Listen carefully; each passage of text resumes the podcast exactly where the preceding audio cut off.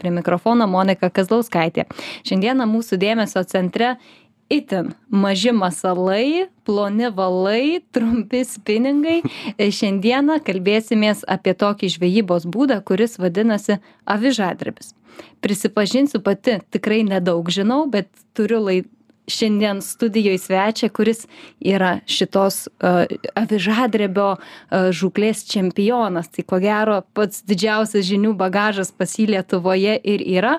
Tai belgų įžangų sveikinuosi su meškeriotoju Ovidijumi Putna. Labas. Sveiki. Tai Ovidijau, kas tai yra per dalykas avižadrebis? Trumpai tariant, tai jeigu apibūdint tokią kaip savoką, sakykime, avižadarbis, tai yra žvejyba spiningų tikslas jos yra pagauti avižėlė baltą taikę žuvį.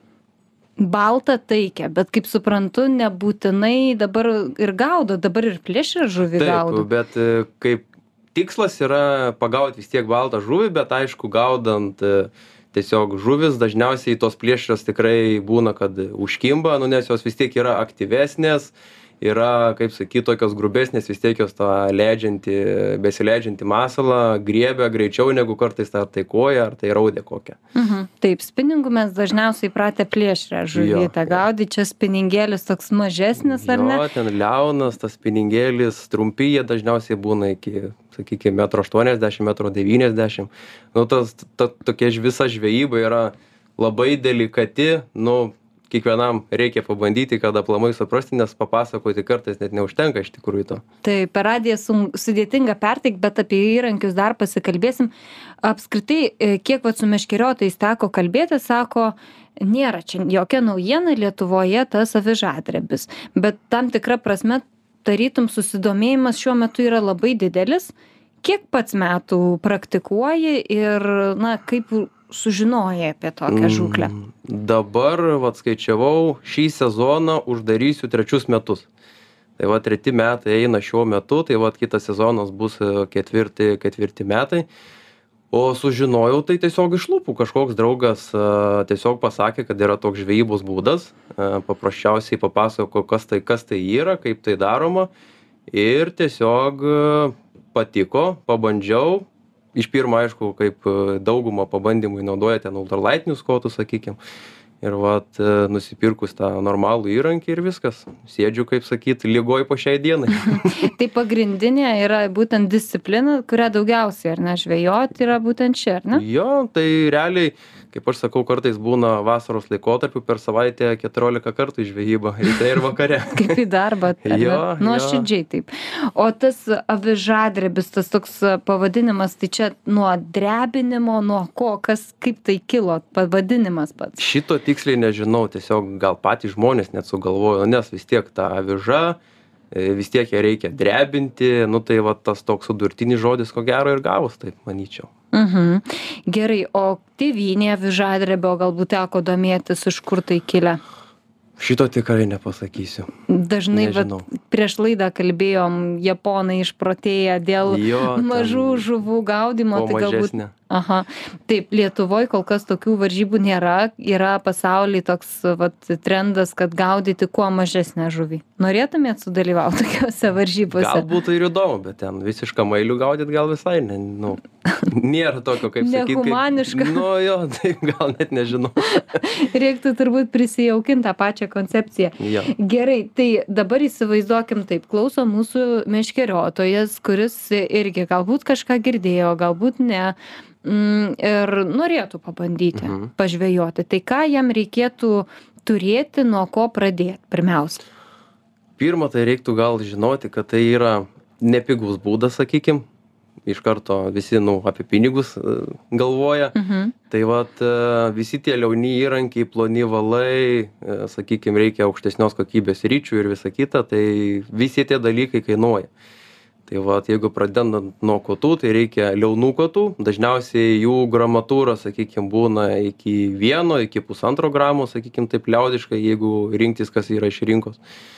Tai vat ir valai irgi sakykim turi būti kokybiški. Jeigu ten nusipirksit iš kinijos tai kažkokį sakykim pigų valą jis dažniausiai bus užstorintas metimo nuotolio nebus tiesiog negalėsit gaudyt komfortiškai ir tikslingai šiuo būdu ritės irgi turi tą būtent pintą valą kloti kaip sakyt gerai tvarkingai nes ten vėlgi žvejybos eigoj gali būti visokiausių barzdų vadinamų ir ir ir nu tiesiog apsunkina labai pačią žvejybą ir ta žvejyba tokia gaunasi ne malonumas o jau toks tragedija net kad ten daugiau painioji negu žvejoji realiai. Mhm. nu tai vat jeigu einant prie avižėlių tai avižėlės irgi turi būti realiai kiti gaudo ir su tom žieminėm sakykim avižėlėm standartinėm bet yra sakykim rankų darbo gamyklinių avižėlių kurios yra būtent tam dalykui skirtos e, jos skendimo sakykim kampas yra kitoks tas balansas avižos kitoks tai Mhm. vat e, Tai vad skiriasi nuo žieminių, sakot, jo jos, ar ne? skiriasi jos žieminės biškį jos kitokios yra jų ten formų sakykim įvairesnių yra ir ir ir visa kita bet e, reikia turėti tokią kokią reikia kad vat būtų viskas šimtą procentų įgyvendinta Mhm. Tai tas pinigėlis, botagėlis toksai, ar ne? E, Kokio jisai ilgio pačiam, na, labiausiai galbūt e, pasiteisinęs yra ir, na, kuo jie skiriasi, ar tas ilgis kažkokią reikšmę čia turi avižadrebėje? E, iš tikrųjų priklausomai nuo vietos kur gaudoma tai įprastinis toks ilgis yra sakyčiau nuo metro septyniasdešim iki metro aštuoniasdešim net tai vat tokie gamykliniai jau e, sukurti kaip sakyt ištestuoti įrankiai būna įrankiai tokie būna tokio ilgio. Bet būna ir trumpesnių būna ir ten metro penkiasdešim metro keturiasdešim kur iš tikrųjų yra geros gaudymo sakykim sąlygos e, kur yra geras priėjimas žolių nėra tai tiesiog ta žvejyba. Taip jau yra delikati tai vat ar tas trumpas kodas išvis prideda to tokio žavesio kad viskas lengva viskas patogu ir panašiai. Vat pavyzdžiui jeigu sakykim imti kažkokias tai žolėtas vietas dar kažką tai būna renkasi žmonės ilgesnius spiningus kad daleiskim e, reikia masalą iškelt iškelt per kokius ajerus dar kažką tai vat mažesnė tikimybė sakykim tą avižą palikt tam ajere tai va čia irgi nuo sąlygų bet jeigu taip grubiai imti tai vat metras septyniasdešim metras aštuoniasdešim yra tas toks pats pats viduriukas kad jau kaip sakyt žmogus turėdamas vieną įrankį gali komfortiškai gaudyti Mhm. Ir masalai, mačiau, dėžutę buvot atsinešęs, parodęs, masalai tokie maži, kad net nesinešėm į studiją, nes neperteisim to mažumo dydžio. Tai vis dėlto, ar daug, daugiausiai pats renkatės silikoninius masaliukus, ar ir kažkokie kitokie jums prie širdies? ne šiaip silikoniniai masalai tai ir yra tas toks pats sakykim avižos kaip čia dabar išsireikšti džiaugsmas kad tu ant silikoninio masalo gali apgauti tą žuvį. Tai vat e, tame ir yra esmė kad e, silikoninį masalą tu turi išgalvoti kaip išdrebinti kaip jai žuviai pateikti kad ji galvotų kad tai yra natūralus masalas tai va čia sakau tas toks ir yra fainas dalykas kad tu ir sakykim nereikia tau ten tąsytis kokių kirminų ten dzikų dar kažką vat kišenėj ten pabyra ir panašiai nes mes daug migruojam žvejodami. Tai vat pasiimi tą dėžutę pasiimi kažkokių avižų ir viskas pėdini prie prie sakykim prie vandens. O jeigu šnekėt apie masalų dydžius pačius tai visi esam įpratę ten gaudyti dvejais coliais trejais coliais kas yra ten penki septyni centimetrai. Tai mes gaudom e, varžybų sakykim ritmu yra iki triejų centimetrų masalai ir yra iki nol penkių gramų svorio kas reiškia kad nu tu negali turėti ilgo masalo ir saky nu tokio neilgo masalo bet tokio bumbulo žinai ten kokio tai jis turi būt ten koks kirminiukas matyliaus imitacija dziko imitacija Mhm. liaudiškai vadinama kad ir ta pati tanta sakykim bet jos sumažinta versija yra Mhm. tai va tų masalų formų šiai dienai rinkoj yra labai daug bet vat kiekvienas žvejas atsirenka savo kaip sakyt mėgstamiausią Mhm. masalą Tai čia jau tokius masaliukus palei dugną jau leisti, ar ne? nebūtinai aviždrebis sakykim traktuojamas nėra kaip koks džigas Mhm. konkrečiai. Tai tas pravedimas dažniausiai būna tas toks netolygus virpinimas bet nelaikant masalo ant dugno ilgai sakykim. Jį paliesti gali bet realiai tu turi kažkokį veiksmą daryt pastoviai vos ne. Tai va tas ir yra kad skiriasi nuo kokio nano džigo sakykim tai kad tu turi tą avižą virpinti ir ir ir neleisti arti dug nu konkrečiai ant dugno nedėti bet vat gali arti dugno vesti viduriniam sluoksny realiai ten kur gali rasti žuvį tu daugmaž orientuojiesi ir va taip pravedinėji Mhm. Aš labai paprastai padariau prieš laidą, įsivedžiau į socialinį tinklą YouTube, parašiau avižadrebis ir žiūrėjau įvairų turinį, ką meškeriotai kelia ir paties kanalą žiūrėjau. Ir dažniausiai visi gaudo kažkur nuo ežero kranto, o, pavyzdžiui, upelyje ar upėje tinka avižadrebis. Priklauso, kokia tai yra upė, jeigu, sakykime, tai yra srauni upė. Tai tada yra gan sunku ką pravesti, nes, nu, tas svoris avižos ten 0,3 gramo, 0,5. Tu tokį svorį nelabai gali suvaldyti, net, nu, tiesiog neša kaip kokia šiukšlė ir viskas. Tai va, jeigu tai yra, sakykime, nesrauni upė, tokios ramios tiekmės, tai pilnai galima gaudyti upeliuose, sakykime, kažkokių tai upių, tokiuose ramiuose ruožuose, įlankėlėse ir panašiai, tai Mhm. viskas labai gerai. Tai kokiam bebrynę upėtakį net galima pagauti. Jo, tai yra kas gaudo būtent, sakykime, avižadribų, net ir upėtakius, aišku, tai nėra gal tikslinga, nes, nu, tą, sakykime, kad ir didesnį upėtakį su tokia įranga, va, tokiuose vietose, kur yra šakų visokiausių, nes dažniausiai upėtakis laiko, kur šak- šakų yra visokių, tai avi, nu, ta prasme, su avižadribių įranga sunku yra suvaldyti tą žuvį. Mhm. Tai vad gal tikslingai ne, bet yra žmonių, kurie gaudo ir pagauna ant avižos. Mhm. Dar pabandykim virtualiai sukomplektuoti. Tai jau apie spinningą papasakot, apie Mhm. masalus papasakot, o mm, tarkim pats valas. Įveskit žmonės į kontekstą, ar čia turi būti kažkoks jau itin plonas, kokį jūs pats renkatės ir ką rekomenduotumėt. E, Jeigu šnekėt apie storius, sakykime, tai kaip minėjau, jis turi būti pirma kokybiškas, negali būti ten kažkoks pigus labai, nesakau, tada būna užstorinti, bet jeigu šnekėt apie pačius storius, tai tas storis turi būti japonų skalėje, žymimo grotažymėm, tai nuo 0.1 iki 0.2. Nu, toks viduriukas. Aš siūlyčiau, jeigu universaliausią variantą, tai 0.2 sakykime, toks ir gali ir kažkokį kliuvinį ištraukti, ir bonusą normaliai, kaip sakyti, išforsuoti. Bet yra ir iš tikrųjų plonų valų, kurie net kilogramo nelaiko. Ten jie jau tokie vadinami hybridiniai, sakykime, ten technologijų technologijos jau.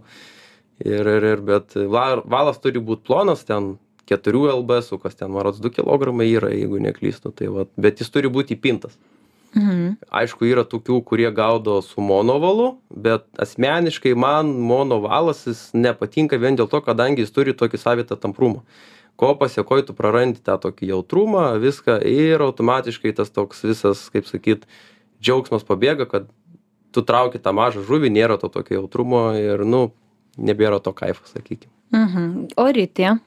Ritė irgi turi būti kokybiška.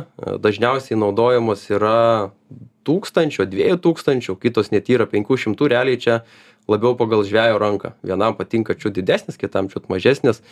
Ir pagrindinis prioritetas kad gerai klotų valą ir būtų geras stabdis. Nes jeigu ten sakykim kažkuris variantas paves nu greičiausiai žuvis liks avižėlė burnoj Mhm.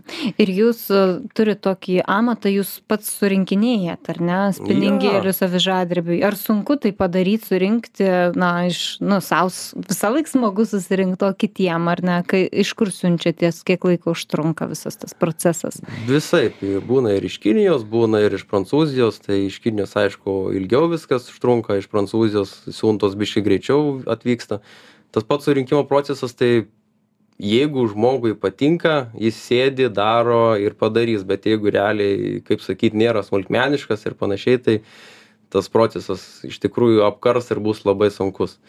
Tai vat aš grynai orientuojuosi į būtent avižadrebio sakykim kotus. Tai mano aplamai tokių kaip rinkimo ta Rinkimo tas pats procesas, ar ne, jūs renkatės iš užsienio viską vežatės, taip išeina, ar Lietuvoje čia mažai yra, kas užsijama tuo, vat, kad aš ateinu į parduotuvę, noriu vat, susipirkti viską šitai žuklį. E, vat aš pavyzdžiui kai gaudžiau pradžioj buvo ten tokie vieni įrankiai sakykim ir po to man atrodo kažko trūksta visą laiką. Tai nori kažką pabandyti tai dar kažką pavyzdžiui kartais rinkoj neblieka tų įrankių žmonės išperka tai vat susigalvojau pats kad reikia pasibandyt kaip sakyt kotus parinkti. Nu ir laikui einant vis gerėjo gerėjo gerėjo viskas. Nu ir po šiai dienai galiu gaudyt vien tiktai savo kotais. Tai vat jie yra išskirtiniai sakykim nuo standartinių visų tų. Tai vat kažką visą laiką yra įdomu išbandyti. Ir plius sakykim ta pati žvejyba nelieka tokia monotoniška kai pats pasidarai pats testuoji galvoji kaip čia ką geriau padaryti. Nu ir gaunasi toks dalykas kad testuoji vėl kažką darai, vėl testuoji, nu ir sakau, ta, nėra tos tokios monotonijos pačioj žvejyboje. Mhm.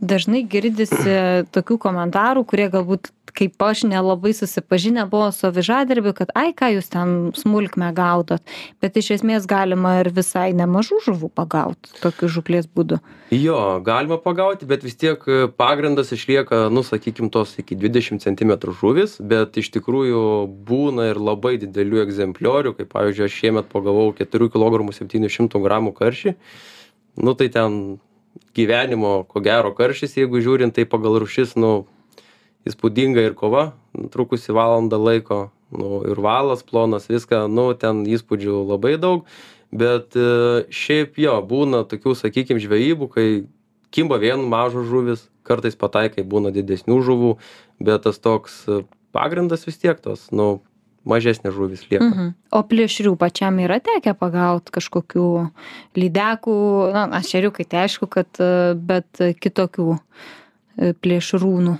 Jo, yra pa, tekę pagauti lydekų ir gana, gana solidžių man pačiam, tai būtų 2-3 kg, sakykime, apie 70 cm. Tai vad, galvojant, kad yra dedamas pavadėlis, kuris ten 0,12 mm fluorokarbonas, sakykime, ir dažniausiai būna toks atvejis kad e, ta lydeka sakykim tą mažą masalą net giliai neryja. Ji į lūpą kažkur pataiko į barzdą sakykim dar kažkur. Ir tu ją gali sėkmingai ištraukti. Va tas yra keisčiausia iš tikrųjų. Ir vat net per čempionatą buvo ištraukta žmogaus didžiausia lydeka devyniasdešim dviejų centimetrų o Nu, Čia jau arti trofėjaus, jo, beveik, galima sakyti. Jau, jau vos jau, ne metras. Aha, taip, taip, tai um, visą laiką meškeriojama yra su vienšakiu kabliuku, ar ne? Jo ten užkarpėlės yra ar nėra? Vieni gaudo su užkarpėlėm kiti be užkarpėlių bet pavyzdžiui jeigu žiūrėti į varžybas tai visi gaudom su užkarpėlėm kol kas dar. Mhm toks tam tikra prasme atrodo visai draugiškas žuviai žūklės būdas. Vienšakis kabliukas na užkarpėlė yra bet nu čia dar nėra labai didelė tragedija. Tai jūsų pati didžiausia kaip supratau buvo karšis tas ar ne valandą virš kovos. Tai kokį masalą jūs jai pasiūlėt tuo metu tam karšiui? Masalas buvo trisdešimties milimetrų poliaris. Jau čia jeigu klauso žvejai tai tikrai žinos kas tas yra. Tai vat buvo tokio matyliaus spalvos nulis kablis penki gramo aviža. Ir ten tas toks buvo kad atėjom gaudyti sakykim to žuvies ir pamatėm tris draugus. Tai buvo tie karšiai nu ir tiesiog vienas iš jų pametus sakykim po nosim. Iš pirmo buvo taip kad jis pasibaidė kažką į draugo pažiūrėjau ir jaučiu kad jau kažkas jau timpčioja mhm. kirtimas nu ir prasidėjo tada jau. Pirmyn atgal pirmyn atgal. O sako karšiai silpni kovotojai tam tikra prasme. Čia jau priešingai įrodė nu iš iš idėjos tai karšis nėra labai stipri žuvis sakykim bet kai tokia įranga kai tokie valai tai tu nieko jam realiai negali padaryti. Iš principo tas svoris jis tiesiog eina vien tuo svoriu ir tiesiog tu jį laikai lauki kol tas ateis momentas kad jis pavargs ir tu galėsi kaip kokią kaladę partraukt paprasčiausiai. Nu tai ten toks ir buvo kad tą valandą realiai tu jį tampai iš vietos į vietą kur jis nori ir paskui vat šiaip ne taip prisitraukiam į graibštą ir foto ir mhm. atgal taip nuotrauka tai įspūdinga buvo ir paskui kai paskaičiau komentarus kokiu įrankiu buvo pagauta tai tikrai net sunku patikėt. O apskritai spalvos kažkokią na pačiam reikšmę turi tarkim meškeriojant masalo? Ar čia daugiau kaip pasakyt gamintojas jau privilioti meškeriotojai tas spalvas gražesnes parenka? E, šiaip masalo spalva irgi turi kaip sakyt savų dienų aš šiaip esu linkęs labiau į natūralias spalvas, tai būtų ten vadinamas tepalas, matyliaus spalva, ten visokių violetinių, tamsių atspalvių būna, bet iš tikrųjų būna dienų, kai tu gaudai savo tam standartiniam spalvom ir niekas net nekimba normaliai. Tai va tada atsiveri dėžutę, žiūri, ką turi toj dėžutėj ir dedi ten kokią salotą, ar tai ryškia morką, sakykime, dar ten kažką ir tada va pasipila kibimai. Nežinau, kodėl taip kartais būna, bet sakau, būna tokių dienų, kad žuvis būna išranki ties natūraliais masalais bet nori visiškai sakykim vos ne nesąmonių kažkokių. Nu ir tada vat galima kažką pagauti. Net per varžybas man sykį taip buvo kad realiai gaudžiau gaudžiau gaudžiau. Ai galvoju jau čia nieko nieko gero nebebus. Tiesiog užsidėjau kažkokią žalią spalvą ir vat išplėšiau pergalę. Mhm. A, kaip ten viskas vyksta tose varžybose? Reikia pagauti kuo daugiau, ar centimetrai, ar kilogramai, kas lemia tuomet jau E, nugalėtoje? Pačios varžybos vyksta tokiu principu, kad gaudom 3 valandas, pietai 3 valandos. E, Tai vad yra, sakykime, varžybų sektoriai, pirmas, antras, trečias, gal net ir ketvirtas kitą metą bus. Ir principas yra 10 skaitinių žuvų didžiausių. Tai reiškia, jeigu tu pagausi 20-30 žuvų, tu iš jų turi išsirinkti 10 didžiausių bet kokiu atveju. Bet kartais būna ir taip, kad žmonės pagauna ir 5, ir 0, ir, ir, ir dar mažiau, kaip sakyti, žinot. O kokio dydžio tai skaitinė žuvis? Tiesiog e, žuvis, aplamai. Ai, tiesiog, jo, net nenumatyta jo, yra. dydžio, ar ne? Lydeka tik tais yra nuo 50 pagal taisyklės. Mm, mhm. Nu, o visos kitos yra, kad ir 2-3 cm kokie jau ten sugebėjai pagauti. Taip, turim padaryti trumpą pertraukėlę, greitai sugrįšim į avižadrebio e, žūklės specifiką, ją dar toliau panagrinėsim, niekur nepabėkit, likit su žinių radiju.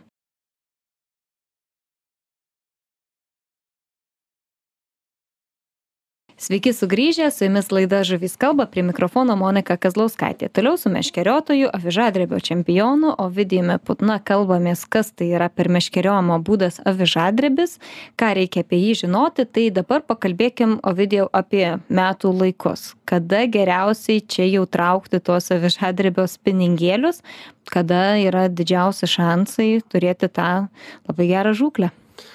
Šiaip, kadangi aš tiek gaudydamas, tai pradedu sezoną visada, kai tik nueina ledas. Realiai kažkokiuose, tai, sakykime, šiltesnėse biški vietose, kur daugiau saulės, kad ir, sakykime, ežeras susitraukęs dar ledu, aš jo pradedu pabiški žygiuoti pagal pakrantis ir ieškoti tos žuvies. Tai tos pirmos tokios žvejybos būna dažniausiai karčios, būna ir iš tikrųjų nulių, nu bet čia realiai pati pati pradžia. Tai pirmą pradeda kipti, sakykime, kažkokios kuojos, kažkokie šeriukai, va taip vieną kitą parankiui. Bet jeigu taip kalbėti, kad e, sezonas prasideda, tai būna kažkur jau kai pašyla, mm, vanduo iki 8-12 laipsnių, tada prasideda visas tas kibimas. Tai vat e, žuvis plaukia į krantus, neršti, kojos, raudės. Ir iš tikrųjų ieškant prie kokių žolių linijos, dar kažkur, tai realiai pavasaris yra vienas geriausių laikų, kada tu gali pagauti ir didesnių žuvų, gali pagauti ir didesnį kiekį. Tai iš tikrųjų pavasaris tas laikas toks, nu, labai fainas. Jeigu einant prie vasaros, tai vasara yra tokia pati smagiausia žvejyba, eini su šortais, visur švaru, visur gaivu, kaip sakyt. Aišku, tik kartais būna karšta. Mhm. Ir, ir, ir, bet kibimų skaičius būna vasarą didžiausias. Tai va tie šeriukai pasipila, tos kuojos, viskas, aišku, reikia rasti ir tą vietą, kad to žuvies būtų koncentracija. Ir, ir, ir jeigu po to einant prie rudens, tai va, ruduo jau toks irgi, kai pradeda žuvis tos e, kažkaip būriuotis, ją yra sunkiau rasti, eina į gilius labiau, vanduo atšala, tai toks ruduo palieka pagauti galima, bet jau nebėra to tokio, kaip sakyti, didžiausio malonumo, jau ir šala ir visa kita, tai Mhm. va taip. Bent pačiai tenka dažniausiai matyti avižadrebių gaudančius e, žvėjus nuo kranto, o kaip su gaudimu iš valties? Ar tai, na, patogu ir ar, na, yra galimybių irgi pagauti gražios žuvies? Tai jo, mano lydekos visos yra pagautos, sakykime, iš valties. Kažkodėl tais nuo kranto nelabai pavyksta. Bet iš valties iš tikrųjų nėra, sakykime, problemų gaudyti, irgi viskas ten labai puikiai. Aš naudoju, pavyzdžiui, elektrinį variklį irgi, kad būtų viskas malonu, be jokių ten papildomų garsų, nedidelė valtis. Tai vat, bet realiai irgi žvejojant iš valties, tu nesivaikai tų didelių gylių. Pats avižadrebis, sakykime, kaip žvejyba, na, iki 3 metrų jau negiliau, nu, nes ta aviža paskui ten labai ilgai leidžiasi ir visa kita. Tai vat, e, vis tiek rinkėsi kažkokius seklesnius tos Mhm. ežerus, e, kažkokias įlankėlės.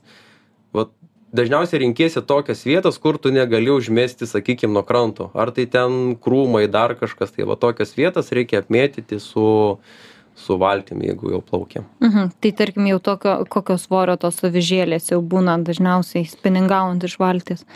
Tai va ir būna iki 0,5 gramų. Mhm. Ten priklausomai nuo žuvies. Jeigu tu nori labiau gaudyti baltą žuvį, sakykime, tai gaudai su 0,3, 0,2, jeigu taip mišriau, sakykime, gaudai su 0,5, tai va, tas tada ir ešerys labiau pasirašo, ir takoja didesnė kažkokia. Tai, mhm. tai va. Bet apskritai, pažiūrėjau, tiek pavasarį ar rudenį pats žvejoji praktiškai taip pat, ar vis dėlto kažkiek tas meškeriojimo būdas gali skirtis? Dėl pagal žuvies aktyvumą ar pagal tai, ką jinai renkasi daugiau maitintis, kažkuo turi skirtumų? E, jo, turi. Kuo realiai šaltesnis vanduo, tuo tas pravedimas, sakykime, yra lėtesnis. Tu mm. tą maslą turi paduoti kuo lėčiau, kuo natūraliau, vat, lengvesni svoriai, mažesni patys masalai aplamai. Jeigu, pavyzdžiui, mes gaudom vasarą, nu, aš įprastai dažniausiai gaudau iki nu, 0,5 svorio ir ten kokią 25 mm tantą, sakykime o pavasarį ar tai rudenį mažinies tą svorį iki 0,3 gramų, ten dedi kokį matylių, nu realiai viskas, kad vyktų kuo natūraliau. Tai vat e, skirtumo yra, bet abiem būdais vis tiek gali pagauti ir tuo, ir tuo metu laiku. Mhm. Iš ankstinis jaukinimas, kiek jis reikalingas ar visiškai bergšės reikalas? Esu vieną kartą bandęs jaukintis, bet jokio skirtumo realiai nepastebėjau. Šiaip galvoju dar kitąmet kai bus aplamai kibimas e, pabandyti pasijaukinti tą vietą. Realiai kaip ir turėtų tą žuvį kaip sakyti įmetus tą jauką vis tiek ji kažkiek praranda tą budrumą. Ten tas sąmyšis susuka protelį. Jo tas sąmyšis kaip sakyt vandenyje palieka tai gali apsigauti labiau sakykim tą skęstančią avižą pamačius. Bet vat sakau kai bandžiau tai didelio skirtumo tikrai nepastebėjau mhm. kažkokio tai. O tai ko jaukinot? Marcipaniniu kokiu jauku ar ne, batono? Buvo, ne, paprastas tiesiog iš žvejybos parduotuvės jaukas ir, ir tiek, ten kažko labai negalvojom. Tiesiog realiai buvo tikslas užmest kažkokio papildomo jauko, kad žiūrėt, ar žuvis ta reaguoja ar nereaguoja ir viskas. Bet sakau, tas skirtumas ten labai toks, ne, nekoks. Mhm. O kaip vat, matot jūs susidomėjimą avižadrebių tarp kolegų meškeriotojų? Ar jisai auga, ar vis dėlto jau mes kažkokį piką buvom pasiekę ir jau dabar žmonės pabando ir galbūt grįžta prie kitų žuklės būdų? Šiai dienai tai tas būdas dar populiarėja. Realiai šią vasarą buvo galbūt tas pats pikas, iš tikrųjų labai labai daug žmonių pradėjo domėti šio reikalu, bet aplamai kaip būdas jis yra toks, sakykim, greitas. Visi žmonės kaip žinom visi užsiėmę visi visur lekia. Tai vat pats žvejybos būdas yra toks greitas. Tu turi sakykim valandėlę gali nulėkt prie vandens nes tu gali pagaut bele kur. Kas tai būtų ar tai ežeras ar tai užtvankėlė parko kažkoks tvenkinukas nu realiai belekas jo belekas ir jeigu yra kaip sakyt žuvies tu ją gali pagauti. Tai vat kiti renkasi šį žūklės būdą ne kaip pagrindinį bet kaip papildomą sakykim va tiesiog dar E, pagauti, pažvejoti ir, ir kaip sakyti, pajausti tą malonumą iš žvejybos. Mhm. O su užsienio galbūt patirtim kažkiek susipažinęs esat, ar irgi, na, meškeriotojai domisi iš to būdu, ar, na, čia mes Lietuvoje dabar tokie esam uh, užsi, užsihypinę, kabutėse pasakysiu, ant avižadrebio. Na, pas mūsų Lietuvoje irgi dabar šiuo metu daug yra, bet, pavyzdžiui, Ukrainoje, sakykime, tai ten žmonės labai stipriai gaudo tie visokie senoliai ten va kurie gaudo su museline meškere tai nu yra tokių panašumų sakykim. Tai jie irgi labai labai stipriai gaudo pas jų ta žuvis gal biškį kitokia ten karosai visokie sakykim didesnė didesnis kalibras. Tai sakyčiau lietuva ukraina vat ir jau populiarėja į europą bet nu dar taip nėra tas toks stiprus šuolis bet manau kad visų pagalba gal kažkaip. Mhm. man avižadrebis asocijuojasi su tokia žūkle kur atrodo kaip loterija be pralaimėjimo. Na sakėt kad yra e, kartais tuščių dienų kai nebūna kibimų bet vis dėlto dažniausiai nu vis tiek kažką pagauni ar ne? Jo šiaip tokia labai pozityvi žvejyba nes visąlaik vis tiek kažkas užkibs šiaip sakyčiau per sezoną manau ant rankų suskaičiuočiau kiek yra tuščių žvejybų Mhm. O palyginus skaičius būna labai didelis. Mhm. Tai va, tai per savaitę, sakau, kiekvieną dieną važiuoju, kartais ir mažiau, kartais ir daugiau, ir ryte, ir vakare, tai vasaros laikotarpiu, ko gero, nesu likęs su nuliu niekada. Mhm. Visą Kar laiką. Kartais būna girdžiu iš meškeriotojų, kurie pasiima vaikus į žvejybą ir sako ai jiem atsibosta kai nėra tos žuvies pamatytos tai gal avižadrebį reikėtų vaikam pirmiausia išbandyt pajaust tą malonumą pagauti žuvį. Jo kaip variantas galimas bet čia yra irgi kitų niuansų sakykim su vaikais vien dėl to, kadangi, na, jie žinot, e, greitai viską daro, mm. makaluojasi, o tie liauni įrankiai užsipinė, trekšt, pekšt dažniausiai ir nebėra to įrankio. Mm -hmm. Tai va čia pirmą reiktų vaiką supažindinti, sakykime, su pačiu meškeriojimu, kaip elgtis su pačiu įrankiu nes kitu atveju gali skaudžiai po to kainuoti. Taip, tėveliam per kišenę. Jo, jo. Gerai, tai dabar, tarkim, jau apibendrinti galėtume, ar ne? Tai susikomplektavot, jūs jau savo patarimais e, papasakojot šiek tiek ko reikia, kaip reikia, tai kiek tai plius minus kainuoja viską susirinkti, avižadrebio vat pra pradžiamoksliui pirmai pradžiai galbūt nereik pradėt nuo pačių brangiausių spiningų tai nuo a iki zet kiek viskas kainuoja?